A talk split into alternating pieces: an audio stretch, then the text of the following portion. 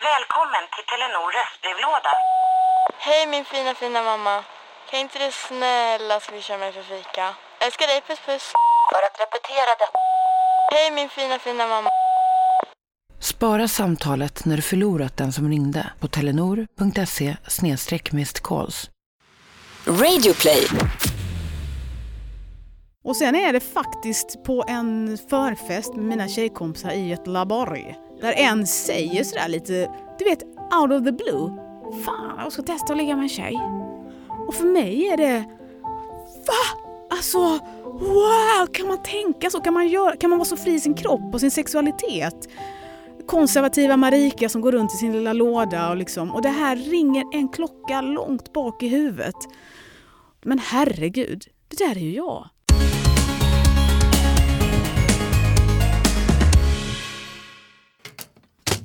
Anton, igen med den där. Jag gjorde ingenting. Oh my god. Anton, det här, oh, är den, spelar vi in? Hej Anton! Hallå Tobias! Just nu så brakar det ner en popcorntavla, igen! Go, go with a boom eller bang eller vad säger man? Ja, pop come, come out with a bang. Eller pop that corn. Pop that corn, nu ska jag ta på mina hörlurar också, och Ja, du som the lyssnare corn was popped. Ja, och du som lyssnar är självklart också som vanligt varmt, varmt, varmt välkommen till Regnbågslivpodden där vi pratar om allt möjligt regnbågsrelaterat med mig Anton Johansson Och med mig Tobias Torvid, och här smäller det verkligen på massa sätt. Jo men det gör det verkligen. Vi ska ju sätta igång och smälla igång vår författarmånad. Ja men precis, för vi kommer faktiskt ha tre stycken avsnitt på raken med författare. Det är väldigt fantastiskt, och de är alla eh, liksom på ett eller annat sätt en del av regnbågsfamiljen. Precis. Mm. Idag så har vi med oss Marika Karlsson, eller hur? Exakt! Som hon själv säger, väldigt stolt eh, lebb och författare och så vidare. Och sen nästa vecka, då har vi eh, den underbara lesbiska Anna Benson, Just det, vad härligt, fantastiskt. serieentreprenören, för att Mm. sen följas upp av, Alexa Lundberg, bögtjejen. ja, exakt, transkvinna, bögtjej, hon har massa härliga namn hon också. Det är så mycket härligt, jag ser så mycket fram emot de här tre avsnitten. Ja, jag med. Så innan vi sätter igång, vilket vi gör snart med Marika, vad är nytt sen sist? Ja, jag skulle vilja göra en liten uppdatering. Istället för att prata om hur du och jag mår, det kan vi ju göra nästa vecka lite När mer. som helst. Ja, vi har fått så mycket fina reaktioner från efter avsnittet med Sam som vi hade förra veckan. Avsnittet, för dig som inte har hört det, hette Sam, du är bara förvirrad. Nummer 89. Precis, och det handlar om en transkille som heter Sam som inte fick den bästa reaktionen alls, eller som inte fick en bra reaktion alls av sina vårdnadshavare föräldrar när han kom ut som trans. Han skulle ju få vänta till januari egentligen med sin könsutredning innan den skulle starta, men han har skrivit till oss nu att han efter avsnittet släpptes så fick han veta att han kommer få könsutredning redan i oktober. Och det är ju så fantastiskt roligt verkligen. Alltså den, eh, det är verkligen värmde mitt hjärta så mycket när när jag fick det meddelandet. Så stort grattis till dig Sam och vi kommer fortsätta följa hans resa, eller hur Tobias? Ja, till att bli den han är, Ja, precis. så att säga. Nu tycker jag att eh, Marika Karlsson har all rätt att komma in i studion. Och hennes bok, som vi ska prata om, den heter ju 'Sådana som du ska inte vara här' Men jag är så jäkla glad att Marika Karlsson ska vara här. Det är jag med. Anton, nu har vi henne här. 45 år ung, skånsk komiker, författare, skådespelare, radioprogramledare, tv-personlighet, aktuell med boken 'Sådana som du ska inte vara här' Men vi är jätteglada och du ska ha stort tack för att du är här, Marika Karlsson! Tack så hemskt mycket! Vi har inga ljudeffekter som David Batra utan vi får klappa själva. Det var kul också att det var en person som klappade, den andra gjorde inte det. Den andra har fullt upp med en bok i ena handen och en mobil i den andra handen. Ja, för vi har ju din bok här, den är nysläppt. Mm. Hur känns det att den finns nu? Det är för mig extremt stort att jag har skrivit en bok. Mm. Eh, därför att jag har skrivit den själv. Jag har liksom inte haft någon spökskrivare eller så. Och för mig var det väldigt viktigt. Men det är stort bara för att jag var typ sämst i klassen på att skriva och läsa. Vem sa det? Din lärare? Nej, men jag, ja, rent faktiskt. Rent bara mäta, få tillbaka en uppsats och det är så mycket rött så att du ser knappt vad det står. Jag, liksom, men jag hade jättesvårt med stavning och läsförståelse som barn. Jag var inte dyslektiker för det tror vissa, utan det var mer sådär nu är jag ju något äldre än er och gick i skolan på 80-talet och då var det, gick det till så att Det kommer in en stödfröken som hade en sån tråkig grå lång kappa. Kom in i klassrummet och så ropade hon upp namn så.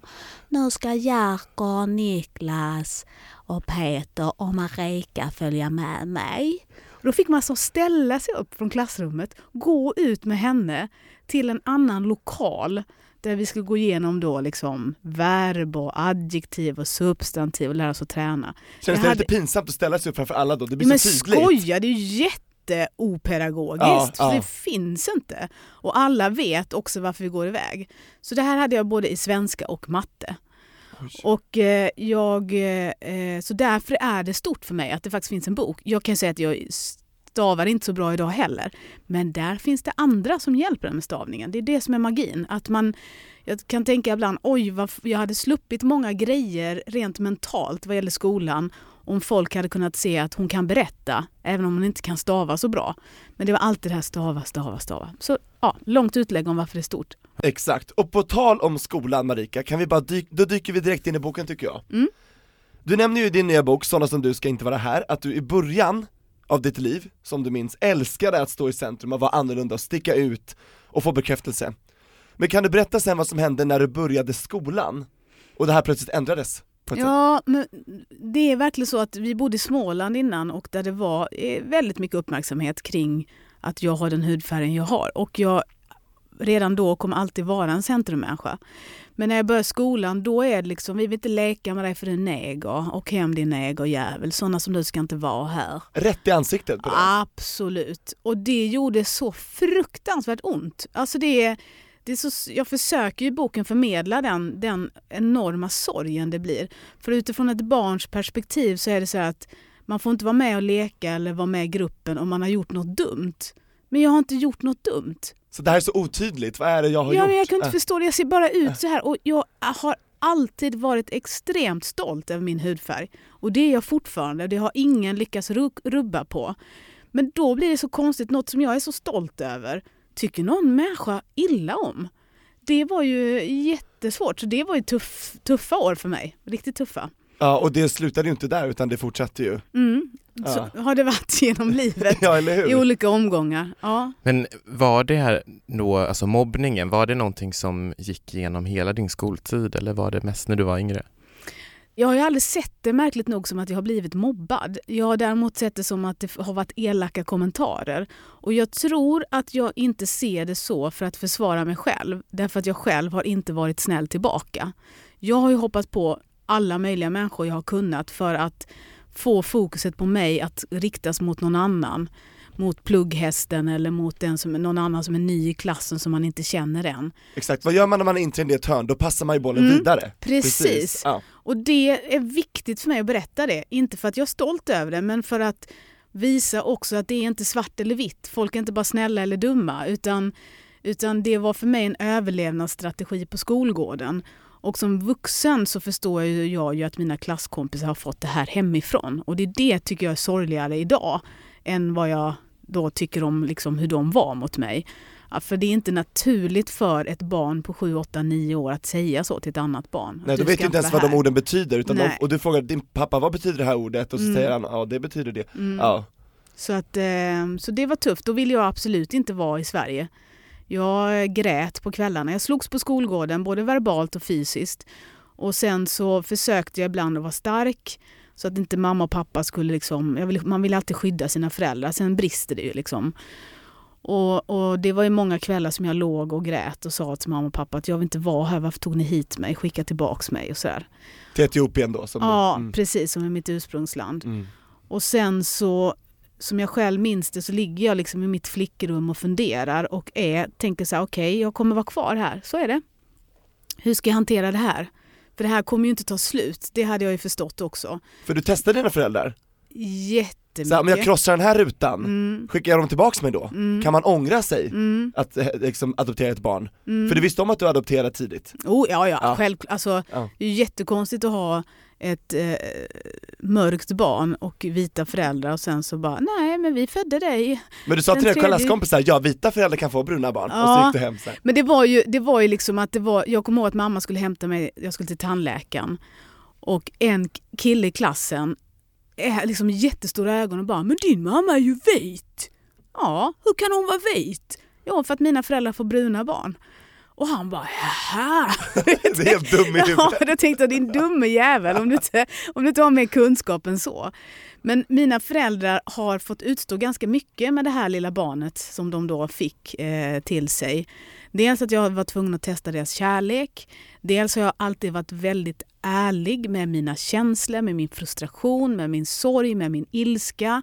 Men vi har också i det haft väldigt mycket humor och jag har kunnat spela upp en scen när jag kommer hem som mamma och pappa har skrattat och de har alltid uppmuntrat mig i att stå på mig, vara snabb i käften, stå emot. Och pappa har framförallt alltid försökt ge nya argument. Nästa gång någon säger så, så säg så här. Och, och det har ju betytt jättemycket.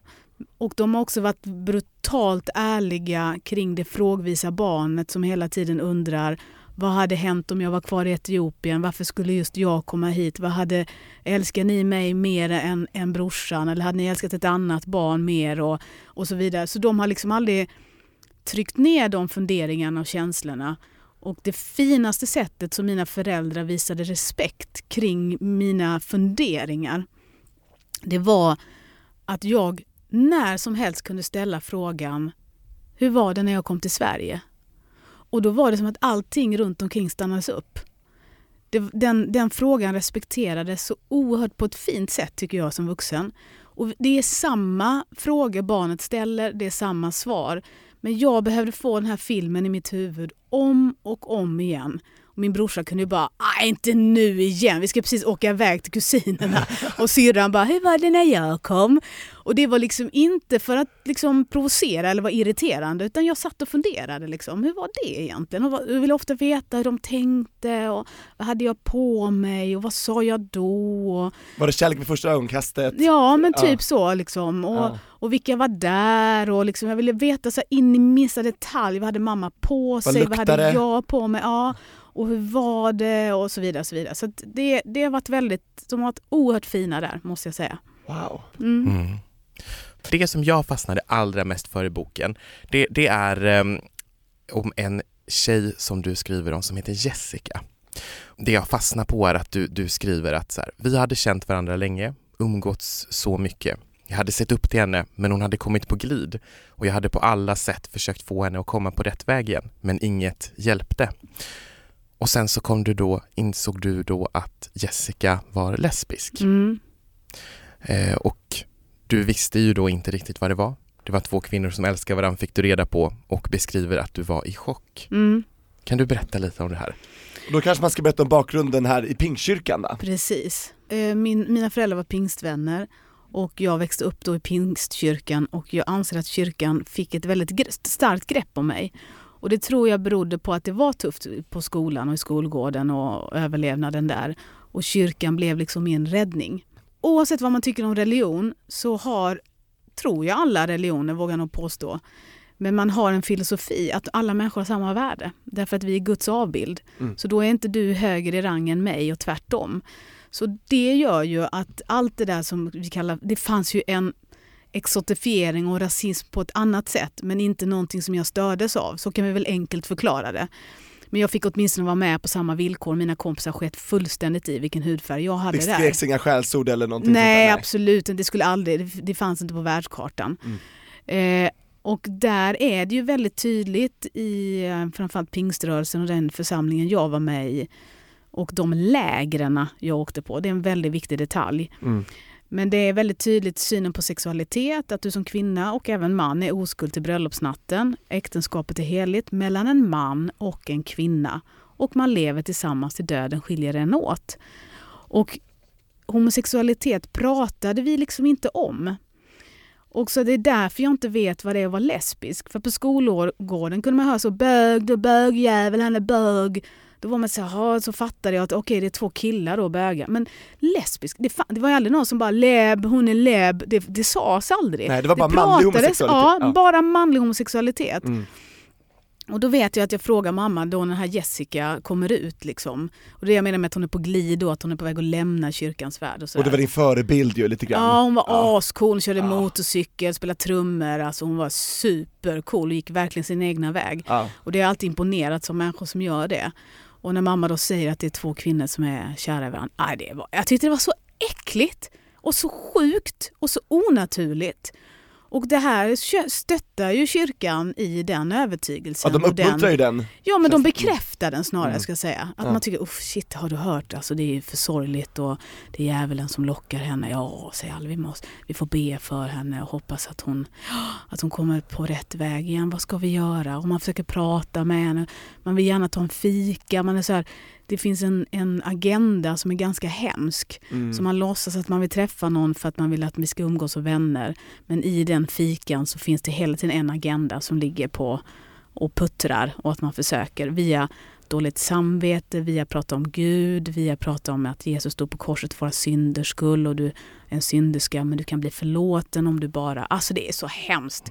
Och att man Vi- själv klappar sig på axeln, nu ska jag försöka rädda, titta gud jag har räddat den här personen. Att det är också egoistiskt. För- Ja, eller- absolut. Därför Ja. att det är ju väldigt tydligt tycker jag i kyrkans värld att, att eh, man ska på något vis vara en så god och sann kristen som möjligt. Och om du då skulle lyckas omvända en homosexuell så har du ju verkligen... Det är massa pluspoäng. Ja, alltså. det är Jesus pluspoäng. applåderar Mm, och ja, jublar. ja, verkligen. Det är fest i himlen liksom. Ja.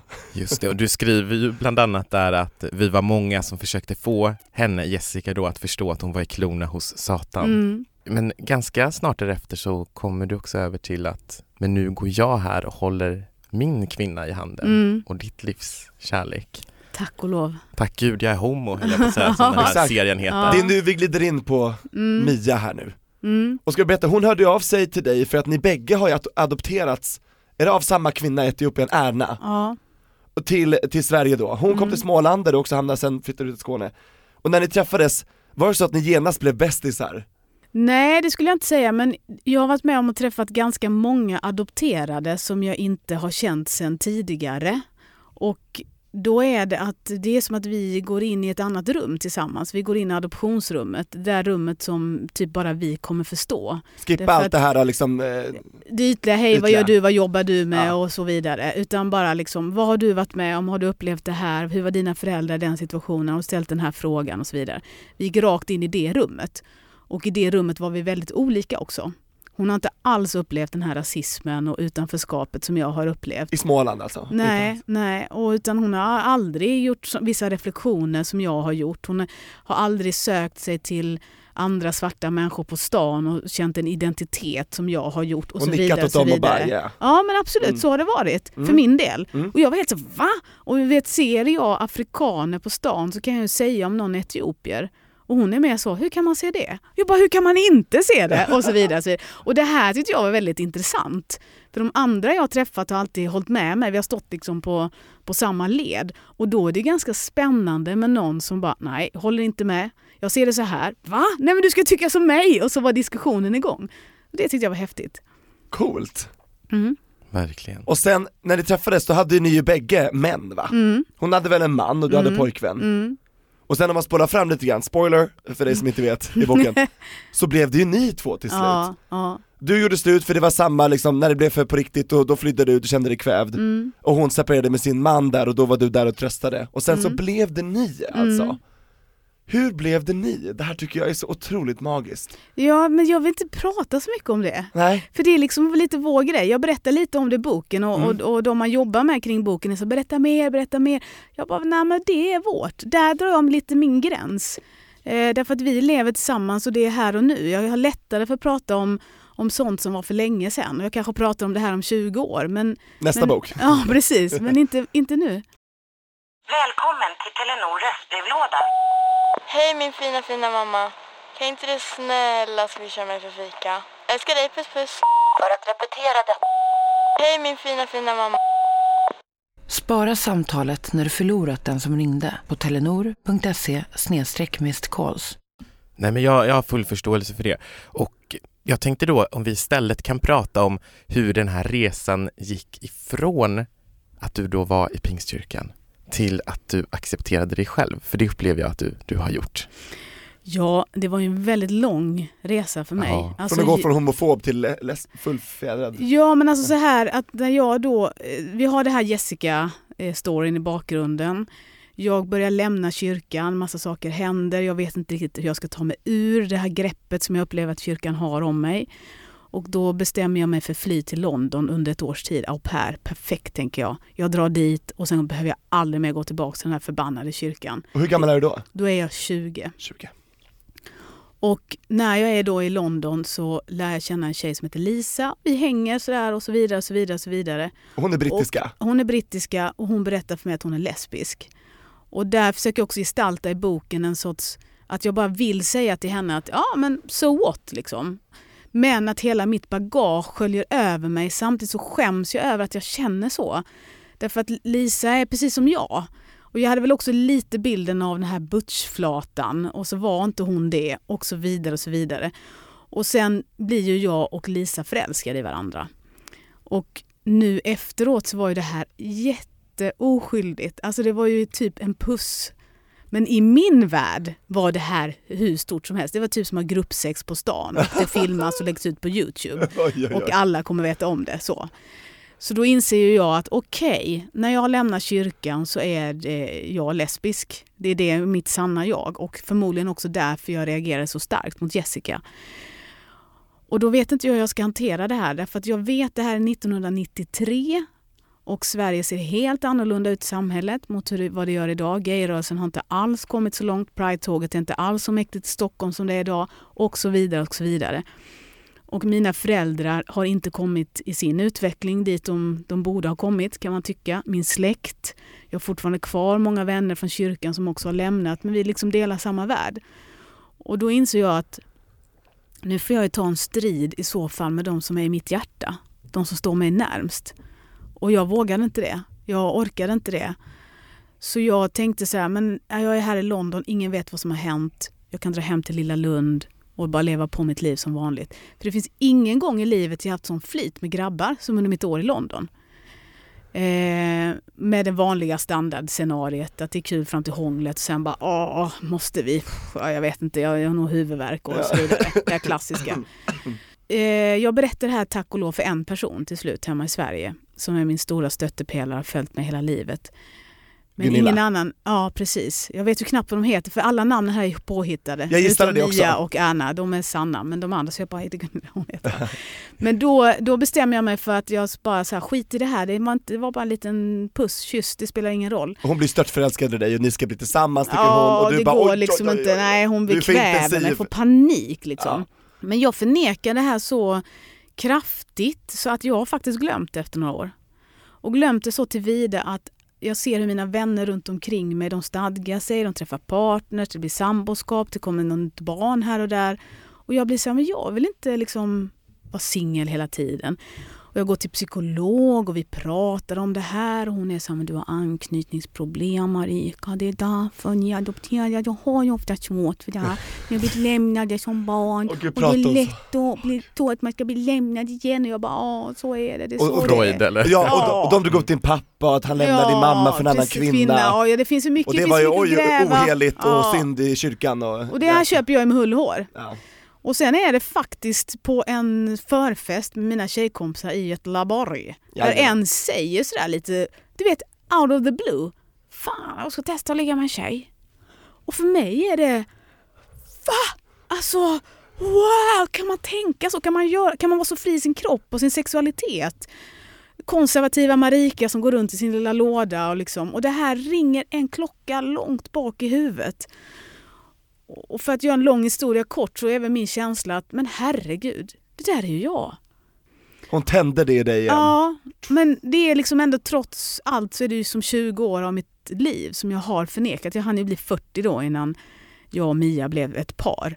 Mm. Och det, det kan jag ju nu efteråt tycka att det är sorgligt att det blev så såklart. Och jag hoppas att min berättelse kan få någon annan människa åtminstone att krympa de där 20 åren till kanske ett, två eller tre, max fem år. Liksom inte, wastea inte mer. För de får man inte tillbaka de där åren liksom. Nej, sen sen, det var, blev ju istället att jag började med stand-up och stand-up blev min partner. Jag har ju ätit, sovit, skitit stand-up. Det är ju det enda jag har brytt mig om, det enda jag har lagt min energi på. Så den där klassiska psykologigrejen att det är något annat och så lägger man hela sin energi någon annanstans för den är lättare och så vidare. Men är, du, är du tacksam för det då? För tänk om det inte hade varit för den här förträngningen så kanske du inte hade verkligen satsat på stand-up fullt ut och nu är det ditt yrke idag och det kommer massa härliga saker från det. Eller känner du ånger? Förstår du jag menar? Det kan vara lite så problematiskt kanske, eller? Hade stand-up ännu funnits i ditt liv? Eller vad tror du liksom? Ja. För det här var ju på någonstans som bränsle. Ja, Har du reflekterat nå- någonting kring Ja, det? det har jag faktiskt. Därför att det intressanta är att när jag och Mia blev tillsammans och blev ett par, då tog min karriär fart. Därför att då är inte stand-upen nummer ett för mig. Utan det finns något annat som är så oändligt mycket viktigare. Och då blir det mer ett jobb som jag älskar. Alltså, tro inte det, jag älskar det. Men då slappnar jag av mycket mer och blir mycket bättre på scenen. Så att jag tror liksom eh, att det bara var till min fördel. Jag tror ändå att jag hade jobbat med det här. Mm. Men jag lever i någon sorts filosofi, hela jag, att man kan aldrig... Du kan inte ångra dina beslut. Ja, klart man kan ångra, men man, jag tänker så här, man fattar sina beslut utifrån där man är i livet just då. Det är ingen idé för mig att gå runt och vara bitter över de här 20 åren. Utan så blev mitt liv. Det är, det, alltså det är bara så här rent krasst. Det var ju mina val. Ja, Det var ju mina vanföreställningar. Det var jag som var feg och inte vågade ta den här striden. formad av din samtid. Ja, och av min, mina föräldrar, min, våra traditioner och så vidare. Jag kan, Mm. inte, kan inte ångra det, eh, utan det fick bli så. Så jag är ganska sådär, ja men fine med det. Men jag tycker fortfarande det är väldigt viktigt att uppmuntra andra att inte göra samma misstag så att säga. Lär dig av mig i så fall. Det var en idiot som förnekade i 20 år, det behöver inte jag också göra det. Och jag kan tänka mig att, att om det, det är inte så himla, det är lätt att sitta och säga kom ut bara, det är inga problem. Det är det ju, det vet vi att det är. Men jag fick något mejl från någon tjej som var i samma sitt som mig. Och försökte frå- hon frågade mig hur hon skulle göra. Så att jag, jag kan inte säga så här ska man göra det rätt. Men kolla om det finns någon du kan prata med. Så att du kan ha stöd någonstans. Och samla mod. Någonstans du kan lätta ditt hjärta med så att man inte, det inte blir en förnekelse. Och eh, sen skrev hon till mig lite senare att hon hade berättat det här för sina föräldrar. Och det, hon har en strid liksom. För de har inte kommit någon vart och de var väldigt religiösa. Men hon har några som hon får stöd hos. Och den vikten eh, tror jag är jätteviktigt i den här kampen. För det kan vara en kamp. Liksom. Jag utför en inre kamp och andra utför faktiskt en yttre kamp med strid och bråkigheter. Och det kan bli så långt att du måste klippa med dina föräldrar under en period eller syskon och så. Det är inte små bananas grejer, alltså det är riktigt Nej. tungt. Och jag måste säga innan Anton, jag vet att du ska ställa en fråga, men jag tänkte bara, för jag kan relatera till dig, för min mamma är pingstvän, Marika. Mm. Så att jag känner igen mig så otroligt mycket när du skriver det här i boken. Resonemang och liksom frågor, jag kände precis samma sak. Mm. Men då blir jag nyfiken vad du fick för reaktion när du kom ut. Inte bra alls. Nej. Mamma grät, gick iväg, pappa blev titta vad du ställt till med. Han är inte Mm. pingstvän, men han, han var mer homofob och så här, har du fått aids nu? Eller har du Mm. HIV? Är det det du försöker säga? Mm. Nej det är inte alls det, utan jag älskar killar så. Men det, och det blev jättejobbigt, och mamma har nu efter flera år, jag var 19 år då, och jag är 27 idag, så att då, det har tagit massa massa år. Mm. Och när jag träffade Anton så var det inga problem. Men hon önskade väl mer att Anton skulle vara en bra pojkvän för min syrra, och inte för mig då. Du vet, lite den Ja, så. men då menar jag att då Mm. har, i min värld så har du varit så modig som vågade och har tagit den striden. Det, det är fint tycker jag. Jag fattar att det är komplicerat kring det. Mm. Men det blir också, det fina i kråksången blir att det blir bra till slut. Det liksom. blev det, hon kastade inte ut mig, och hon är fortfarande med i pingst, jag vet att dina föräldrar har ju lämnat Nej, nej, Eller? inte mamma. Mamma, Mamma är är och hennes man är med. Min mamma, absolut. ja, det. ja, men mamma är ju, min mamma är ju cool. Ja hon har ju liksom, hon, Hon har har ju- det själv i boken, mm. hon, har, hon har också utvecklats Marika, det är inte bara du som har gjort det, det är Ja. jag också. Men hon står i kyrkan och säger ganska stolt att hon har varit hos mig och Mia och att vi är så fina ihop så att Och andra folk lite- snörper på munnen. Liksom. Ja. Så hon verkar så cool din mamma, hon är också Ja. rapp i käften, Ja. som du, så här, det, Mm. det, ni är lika alltså, Mm. på många jag är sätt. väldigt lik min mamma på gott och ont. Ja, på gott och ont. Så att, eh, ja jag ville bara få, få in Ja. det, att jag, pingsten, jag relaterar starkt alltså. Ja. Och känner, känner liksom styrka i, fan vad bra att du berättar det här. Jag tänker att för mig är kyrkan som en gestaltning av traditioner. För Det är det jag tänker mig att vi brottas med. Det är traditionen av den heterosexuella normen. Finns det i många religioner, I. Ja men det liksom? finns i vårt samhälle också. Ja. Alltså tar vi tar bort religionen så är det ändå, fort, ändå det du säger fortfarande till barn som växer upp, om det är en flicka, så frågar du är du kär i någon pojke? Och en pojke frågar är du kär i en flicka? Det finns liksom du ska köpa barnkläder, antingen om du själv har barn eller känner någon som har barn, så är det fortfarande väldigt rosa hos flickorna och väldigt blått och grönt hos pojkarna. Mm. Det finns så extremt starka traditioner Mm. som vi, vi måste stå emot, eller stå emot, men jobba emot. Liksom. Och det är, det är det jag tänker att även om man själv inte har en religiös förankring eller religiös bakgrund så är det samma problematik som man måste brottas med ibland, liksom som i ditt fall med din mamma, att det verkligen är bråk och tjafs och stora grejer. Ja. Eller så gör man fegesvarianten som mig, eller fegis men en annan variant där det är mer en inre strider. Det hade jag kunnat göra, vänta funderingar. 20 år. jag. Absolut, Ja. men du var modig och gjorde inte det. Och, det Och jag ångrar är- inte det. Nej. Nej, det är det som är det fina. Skitläskigt att hoppa bara, woo, vet inte Mm. var man ska landa. Vi har ju tyvärr inte så jättemycket tid kvar nu. Eh, vi har skrapat lite på ytan. En sista fråga. Ja. Eh, Du nämner på några ställen i boken om dina besvär med din kropp, eller tankar om din kropp. Det här får ju förhållandevis väldigt lite plats jämfört med andra ämnen du tar upp i boken. Var det här medvetet? Eh, Liksom, varför gjorde, gjorde du så? Att du inte berättar mer om, om det? Eh, oj, vi, vi, det var en jätteintressant fråga. Det har jag inte tänkt på själv. Jag har inte tänkt själv på det. Man kan inte berätta allt Nej. i en bok. Man får välja. Jag har ju liksom valt mina tre ben, det vill säga etnicitet, religion och sexuell läggning. Så det där kan vi ta senare, tänker jag. Det kan bli en till bok kanske eller? Eh, Föreställning? Mm, eller? ja, men det, någonting blir det. Mm. Någonting. Vi måste prata kropp också. Mm. Både kropp, utseende och vätskor och eh, så vidare. Det är jättespännande. Ja, Och i vår träningshets och så vidare. exakt. Ja, men så det blir en cliffhanger. Tack Marika, men det känns, så, det känns så bra, du är så trovärdig tycker jag i det, det du säger, för du har varit med om allt alltså Alltså diskriminering på grund av kön, etnicitet, sexuell läggning liksom, det, det, det känns som att, och du ändå står upp Du har fått så många blows alltså, bam, bam, bam, bam, bam Men det har gjort mig till en sjukt bra komiker. Verkligen, Det är så man får tänka. ja, Man får vända det till något positivt. Det gjorde mig snabb i käften på skolgården. Det har gjort mig verbal och det har gjort mig att jag måste ha kött på benen, jag måste tänka till. Och jag har, kommer alltid ha en teori som är så här att när någon gör någonting eller säger någonting, framförallt dumt, oavsett vad det är, allt från religiösa människor till fördomsfulla människor till rasister. Så istället för att jag är min arga fas och krigar så tar jag på mig mina humorglasögon när jag kommer hem, skriver ett skämt om det, går upp på en scen och står inför människor och får folk att skratta så de kastar sig framåt. ja, Då tänker jag, jag vann, inte idioten. fan vad gött Ja. Tack Fan vad Marika inspirerande. Ja, Mm. Det kanske så vi andra också Karlsson. borde göra mer, eller hur? Ja men absolut, fan och det är bara modigt i sig att stå upp på en ståuppscen Ja men verkligen. Bara det, Det är typ Woo! min största skräck i livet. Min med, men jag vill någon gång göra det Har du något avslutningsvis, har du något kort tips till den som funderar på det här med stand-up? Vad ska man göra? Man ska våga testa och man ska inte ge upp.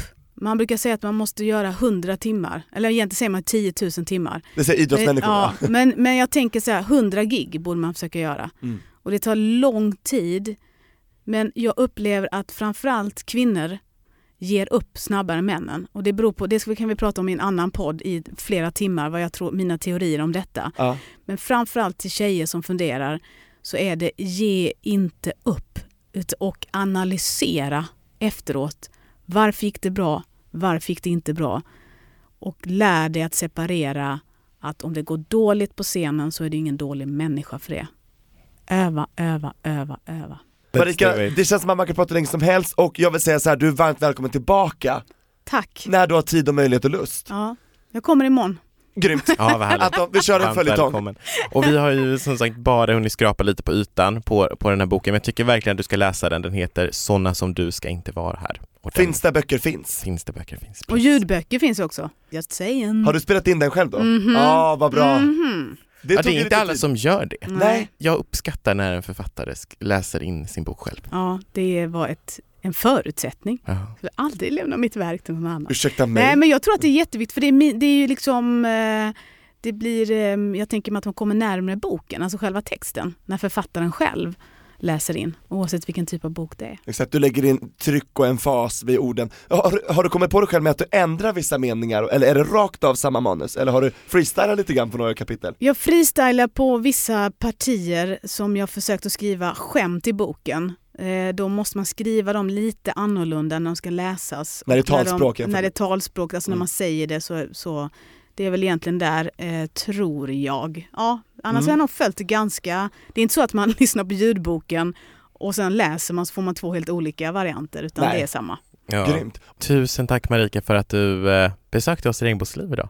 Tack för att jag fick komma, det var jätteroligt. Tycker du det? Och ni måste märka här bara att när man sitter och pratar med mig så är jag inte så rolig. Jo. Men, men, Jo, det är så ni det. tycker det? Det Ja. tycker inte jag. Jag tyckte Jo. jag varit jätteseriös här. Din lägsta nivå är jättehög. Men, du, säger, men du, du är liksom rolig att lyssna på för att du pratar på ett sätt som är kul att lyssna på. Liksom. Engagerande, och det, här, Det är där kommer in ett skämt och det är rutinerat och smart alltså. Okej, ja, det är bra. Jag älskar er. Jag kommer tillbaks när Ja, ni vill. gör det. När ni vill. Och vilka tycker du ska komma hit, förutom dig själv, till Regnbågsliv och gästa oss i podden? Eh, Petrina Solange. Hon är också ståuppkomiker. Hon bär samma hudfärg som mig. Hon är inte adopterad. Hon är jävligt cool. Och hon skämtar på ett sätt så att jag skrattar och rodnar samtidigt. Det är smickrande Ja. för henne. Ja, så henne ska ni ta hit. Och hon är såklart gay woman. We love that! Mhm. Petrina, vi ringer dig. Det gör vi. Marika Karlsson, tack och förlåt för allt alltså. Tack själv. och hälsa din underbara Mia från oss, jag vet att ni firade, eh, vad heter det, anniversary. Ja, Eh, förlovningsdag, förlovningsdag. i våras. Mm, blir det giftermål eller? absolut. Ja, nästa år då eller? Det får vi se. Får vi se. Ja. Tobias Torvid är nyfiken i en Ja, strut. och nu- strut alltså. Ja, men vi säger tack, tack eh, och bock Oops, där. nu tappar jag mobilen också. Nu Jajamän. tappar vi allt. Hej då! Hej då! Hej då!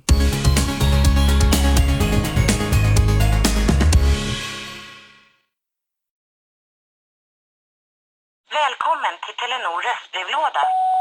Hej min fina fina mamma. Kan inte du snälla swisha mig för fika? Älskar dig, puss puss.